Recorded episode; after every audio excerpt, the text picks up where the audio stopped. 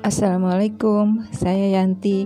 Saat ini kamu sedang mendengarkan podcast Demen Baca, sebuah podcast yang membahas tentang buku dari mulai review buku, baca cerita pendek, bahas film yang diadaptasi dari buku, atau apa pun yang terkait dengan literasi. Kamu dapat mendengarkan podcast ini di berbagai platform, antara lain di Spotify, Google Podcast, Overcast, Podcast, dan Radio Public. Selamat mendengarkan.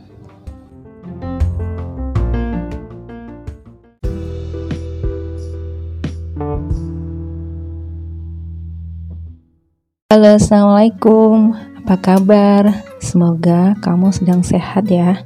Dalam beberapa minggu ini saya sempat off, tidak uh, melakukan rekaman untuk podcast dan uh, episode yang kelima Semoga saya tetap konsisten ya untuk melakukan rekaman dan terima kasih kamu sudah selalu mendengarkan podcast saya. Terima kasih juga tidak bosan dengan uh, celetehanku dengan suaraku yang yang gini-gini aja. Terima kasih. Itu sangat berarti buat aku. Di episode yang kelima ini saya akan mereview kembali sebuah novel Novel kali ini bertema tentang uh, sejarah, geografis, dan sosial. Judulnya Novel Banyu Biru yang ditulis oleh Ayu Dewi. Saya tertarik membaca novel Banyu Biru ini uh, saat uh, baca sinopsisnya atau blurbnya mengambil tema sebuah uh, suku yang mungkin di salah satu daerah terpencil yang mungkin belum dipublikasikan dan itu penduduknya semuanya bermata biru. Nah, itu kan hal yang baru ya. Seperti kita ketahui, kalau penduduk Indonesia ya pada umumnya bermata hitam coklat, hitam kecoklatan gitu ya, dan bukan biru seperti orang Eropa. Gitu. Nah, ini mengambil tema itu dan ada juga karena ini tentang sebuah perusahaan yang menurut saya juga perusahaan yang uh, unik gitu ya jadi ini perusahaannya bernama Tenos, Tinos mungkin ya bacanya, yang singkatan dari Tracking National Observation System. Kalau disingkat Tenos. Kalau baca Tenos ini kayak salah satu uh, figuran di sebuah film ya Tenos tapi kalau ini ada sebuah perusahaan yang bergerak dalam bidang uh, riset ya riset rahasia dan bersifat non profit uh, yang uh, fokus pada bidang teknologi, geografis dan sosial. So, uh, mereka bertujuan uh, menemukan atau mengeksplor pulau-pulau yang kecil yang terpencil di Indonesia dan berusaha untuk uh, mengembangkan teknologi mensejahterakan tanpa meninggalkan adat istiadat dari masyarakat tersebut dan ini uh, perusahaan ini memang sangat uh, aneh juga ya dalam hal rekrutmennya, dalam hal uh, sehari-harinya untuk aktivitasnya. Diawali dari uh, seseorang yang namanya Taufik uh, Taufik Gerard Firdaus. Nah, ini mendapatkan sebuah email rahasia atau dari uh, Tenos ini yang berisikan uh, tawaran pekerjaan di Tenos. Ya, saat itu Taufik sudah bekerja di perusahaan minyak di Balikpapan gitu. Tapi kok padahal dia tidak melamar di perusahaan itu, tapi ada tawaran dari Tenos melalui email. Awalnya sih dia tidak terlalu mengindahkan atau uh, mungkin dianggap email spam atau iseng gitu ya sampai uh, dia di rumah dapat kiriman paket uh, dan tertulis di situ uh, Tenas Company gitu. Jadi ada paket di dalamnya ada flash disk. Kemudian dia penasaran dan dibukalah uh, paket itu yang isinya flash disk. Dia buka flashdisknya dan uh, dilihat di situ ada tulisannya bahwa ini hanya satu kali dibaca dan setelahnya akan hilang file ini. Nah ini kan uh, unik ya gitu ya. Jadi uh, penasaran Taufik untuk membuka uh, flashdisk tersebut. Nah di situ uh, disampaikan profil dari uh, Tenos ya yang tadi saya sebutkan bahwa perusahaan ini bergerak dalam bidang multi uh,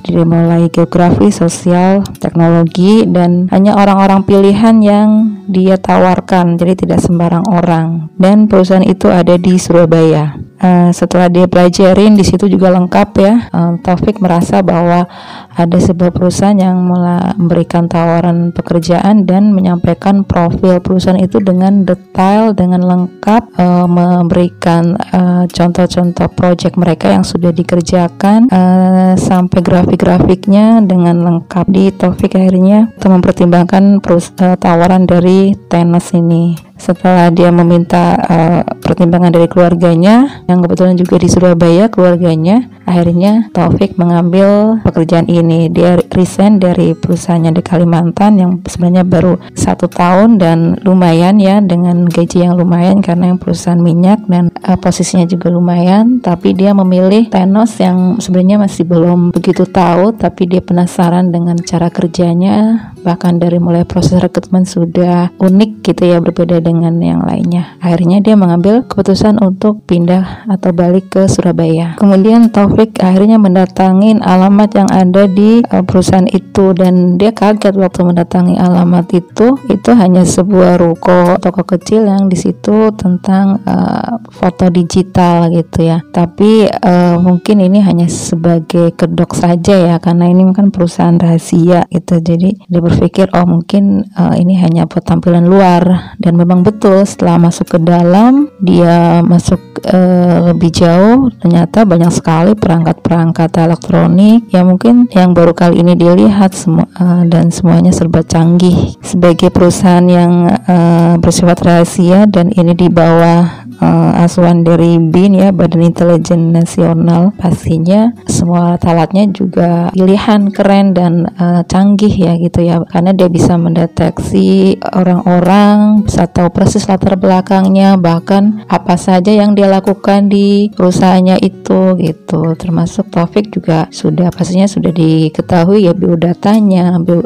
biografinya kemudian apa yang dikerjakan di rumahnya di mungkin di perusahaannya gitu ya. Jadi ini memang ya semacam kayak agen-agen rahasia mungkin ya. Singkat cerita dia melalui berbagai tes uh, ya sama sih seperti tes yang lainnya seperti wawancara, psikotes dan akhirnya dia diterima. Setelah dia masuk uh, dia merasa kok uh, tidak sesuai dengan harapan dia dia hanya mengerjakan administrasi gitu ya surat menyurat ya input-input surat itu kan hal hal yang sebenarnya tidak harus dikerjakan oleh seorang S1 yang bahkan S1 kumlot dari universitas negeri tapi anak SMA pun sebenarnya bisa gitu. Dia sempat agak mulai jenuh sampai uh, yaitu di satu atau dua bulan pertama ya. Kemudian perusahaan itu mempunyai proyek baru yaitu akan mengekspor sebuah pulau di bagian timur Indonesia. Uh, pulau itu diberi nama 0017 atau 0017 kenapa mengambil uh, nama itu? Karena ini adalah proyek ke-17 perusahaan itu untuk mengeksplor sebuah pulau terpencil. Jadi sudah sudah ada 16 pulau yang berhasil dieksplor dan dikunjungi kemudian diberikan mungkin semacam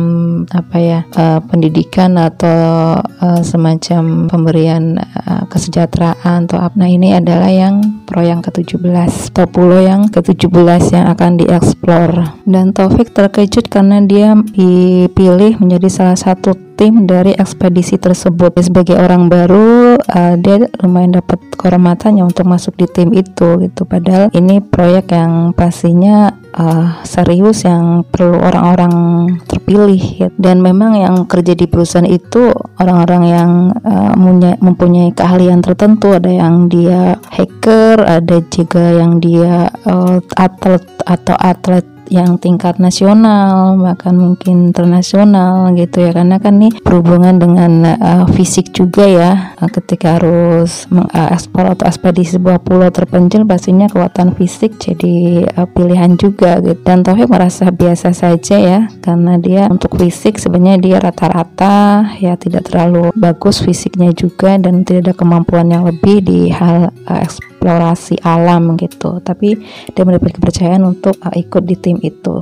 Tim itu tidak banyak ya diterjunkan. Jadi ada yang bagian uh, perekam ada yang bagian uh, mencari jejak atau membuka jejak gitu. Dan akhirnya singkat cerita uh, masuk ke sebuah pulau itu. Namun pulau itu ternyata ada penghuninya gitu. Dia berpikir tadinya tidak ada berpenghuni, ternyata pulau itu berpenghuni dan pulau itu uh, sempat uh, terlihat ada seseorang atau yang penduduk pulau itu yang melihat akhirnya melakukan perlawanan. Dan karena memang penduduk tersebut ternyata memiliki kemampuan yang beda ya yang kalau biasanya produk terpencil itu agak terbelakang kalau ini justru sudah teknologinya bagus. Jadi dia mampu memberikan perlawanan dan keunikan lainnya adalah semua penduduk situ bermata biru tuh. Dan akhirnya uh, tim dari Thanos tidak berhasil masuk ke dalam ya karena mendapat perlawanan bahkan akhirnya diputuskan untuk kembali lagi gitu. Dan tapi sempat ada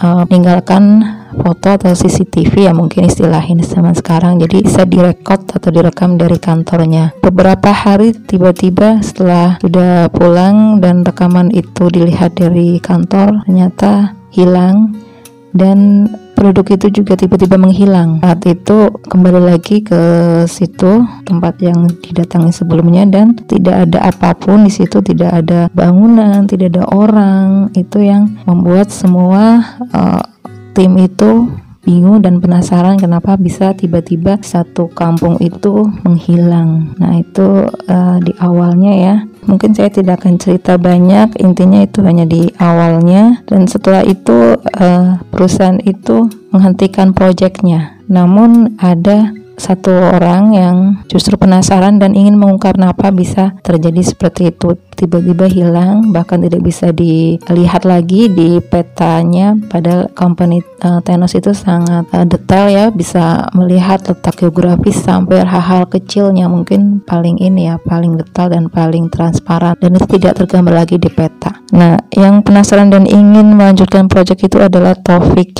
Taufik Gerard Firdaus ya yang sebagai karyawan baru yang tadi. Tentang kenapa dia merasa ini proyek ini masih bisa diselesaikan. Dan dia sendiri yang maju untuk menyelesaikan atau melanjutkan proyek tersebut. Awalnya dia cuman sendiri gitu sempat menjadi bahan cibiran teman-temannya yang mana mungkin bisa ya menyelesaikan proyek yang sangat susah ya karena sekarang sudah tidak ada lagi uh, penduduk itu pedalaman itu. Tapi uh, Taufik merasa bahwa dia masih bisa melanjutkan proyek itu. Akhirnya ada dua orang temannya yang ikut dalam proyek tersebut. Pimpinan perusahaan memberikan waktu dua tahun untuk menyelesaikan proyek tersebut. Kalau tidak dia akan resign atau keluar dari perusahaan tersebut gitu itu uh, jaminannya gitu. Dan ini nggak main-main juga gitu. Tapi uh, Taufik optimis bahwa dia akan mampu menyelesaikan proyek tersebut. Ya setelah berbulan-bulan dia mencari data menyelidiki masih belum dapat tiba-tiba uh, dia ketemu salah satu pemuda SMA ya anak muda SMA di sebuah toko buku uh, bekas ya. Dan saat itu dia sedang mencari-cari literatur terkait geografi dan penjaganya itu adalah anak SMA tersebut. Dia kaget ketika ketika melihat mata anak tersebut berwarna biru. Lantas dia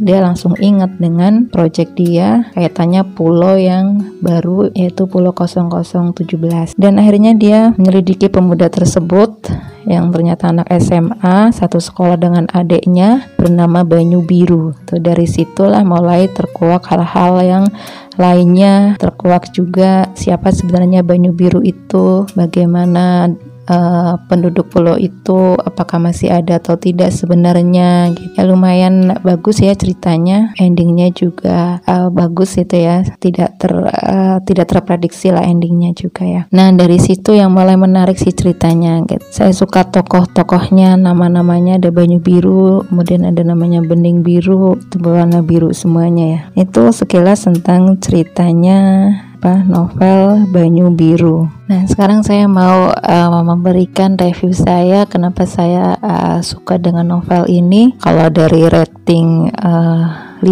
atau maksimal 5 saya kasih nilai atau red 4 ya untuk novel ini ya karena memang uh, bagus ya walaupun uh, belum sempurna pastinya ya ada beberapa hal yang mungkin menurut saya masih bisa dikembangkan gitu atau mungkin uh, evaluasi saya pribadi gitu. Tapi secara keseluruhan bagus ya dari mulai temanya uh, tokoh-tokohnya kemudian alur ceritanya kebetulan juga ini uh, relate atau mungkin ada ya di dunia nyata. Kebetulan saya baca ada beberapa suku di Indonesia yang bermata biru gitu. Ada di Pulau Aceh di Maluku ya. Ada satu lagi di mana gitu. Jadi mereka memang keturunan bangsa Portugis gitu. Jadi uh, bangsa Portugis kan memang kalau Eropa bermata biru ya. Jadi ada satu penduduk itu yang mempertahankan uh, keturunan. Jadi menikah dengan sesama keturunan bangsa Portugis gitu misalkan. Jadi hampir eh, rata-rata uh, penduduk tersebut bermata biru gitu. Tapi pastinya berbeda dengan yang di versi novelnya ya. Mereka bukan hanya bermata biru. Kalau di novel ini mereka punya kemampuan lebih yang punya nilai IQ di atas rata-rata yang bisa membaca pikiran orang. Kemudian mereka punya tanda lahir semacam tato di nya di dekat matanya gitu. Pastinya ini berbeda ya karena uh, ini fiksi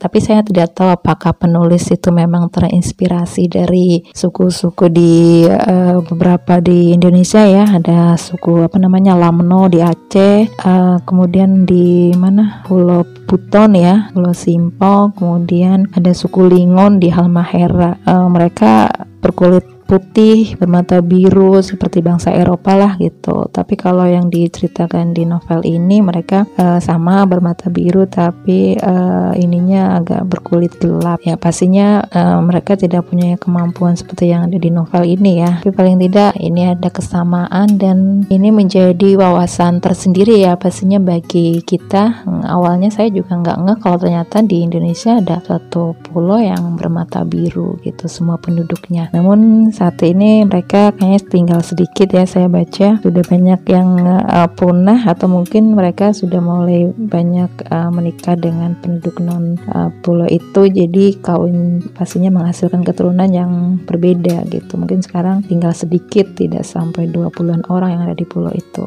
Dan teknologinya pasti berbeda ya dengan yang ada di novel ini. Kalau di novel ini mereka memang sudah bagus teknologinya. Ya mereka bahkan punya ramuan khusus. Jadi kalau ada ada orang luar yang bisa masuk ke situ, mereka tidak akan bisa kembali ataupun kalaupun kembali mereka harus minum ramuan yang membuat mereka lupa semua tentang hal yang ada di pulau itu termasuk penduduknya. Gitu. Ini yang dibahas di atau di novel ini ya pastinya ya. Alurnya menarik uh, di situ, kemudian dibuat uh, sudut pandang juga berbeda ya, karena kalau saya lihat di sini ada dua tokoh utama yaitu Taufik dan Banyu Biru. Uh, penulis uh, terkadang memberikan uh, view-nya atau ininya sudut pandangnya dari Taufik, terkadang dari Banyu Birunya gitu. Mungkin ini yang menurut saya agak sedikit uh, apa ya, mau bazir kata-kata ini dalam arti ada beberapa yang sudah diceritakan di babnya Taufik kemudian uh, diceritakan lagi di sudut pandangnya Banyu Biru gitu. Menurut saya sih itu tidak terlalu uh, signifikan tidak, tidak terlalu diperlukan jadi bisa mengambil cerita lain gitu kalau menurut saya sih. Tapi mungkin penulis bermaksud untuk memberikan uh, pandangan lain atau pendapat lain dari masing-masing tokoh ini. Nah, kemudian uh, dari segi uh, percakapannya juga ya bagus. Uh, dalam arti di sini ada dua dua lingkungan atau dua tokoh utama yang berbeda usia, yang satu sudah bekerja ya pastinya di usia dewasa ya, yang satu masih anak muda, yang masih anak-anak SMA lah ya, tapi menurut saya pada saat percakapan dengan anak SMA dan atau yang sudah dewasa ini hampir sama ya. Kalau kalau menurut saya mungkin kalau bisa percakapan anak SMA kan lebih mereka lebih bebas lebih ini gitu ya. Tapi kalau kuliah di sini mereka sudah kayak dewasa seperti yang uh, mereka pada usia ya yang bekerja usia 27 tahun. Kemudian uh, ada hal yang menarik seperti detektif itu ya di situ. Nggak menyangka ternyata salah satu dari gurunya Banyu Biru di SMA itu adalah menjadi jadi mantan dari Tinos ya mantan dari perusahaan situ. Dan pastinya bukan orang sembarangan ya ketika sudah pernah bekerja di situ. Ada konflik internal di perusahaan itu juga yang uh, tidak menyangka bahwa ada hal yang seperti itu. Nah untuk lebih lengkapnya nanti kamu bisa baca sendiri ya. Intinya seperti itu. Jadi lumayan menghibur novel ini dengan uh, tidak terlalu tebal ya 300 halaman saya cukup cepat menyelesaikannya. Dan uh, karena memang saya suka IPS ya maksudnya saya suka katanya sejarah geografi ya saya suka dengan novel ini. Novel ini bukan hanya menambah wawasan tapi juga ya paling nggak kita uh, bisa mengambil hikmahnya gimana rasanya menjadi seorang anak yang bisa tumbuh sewajarnya ya tidak dieksplor gitu atau tidak dieksploitasi sama orang tua gitu ya. Nah karena ini salah satu tokohnya ya Banyu Biru dan ada yang ada di suku itu memang menjadi tokoh yang dieksplor di ininya ya di perusahaan itu. Um, review saya dengan tentang novel Banyu Biru ini Oke, terima kasih kamu sudah mendengarkan sampai di sini dan minta maaf kalau pastinya banyak kata-kata yang belepotan yang review yang tidak uh, bagus atau mungkin kurang pas. Terima kasih sudah mendengarkan. Sampai jumpa.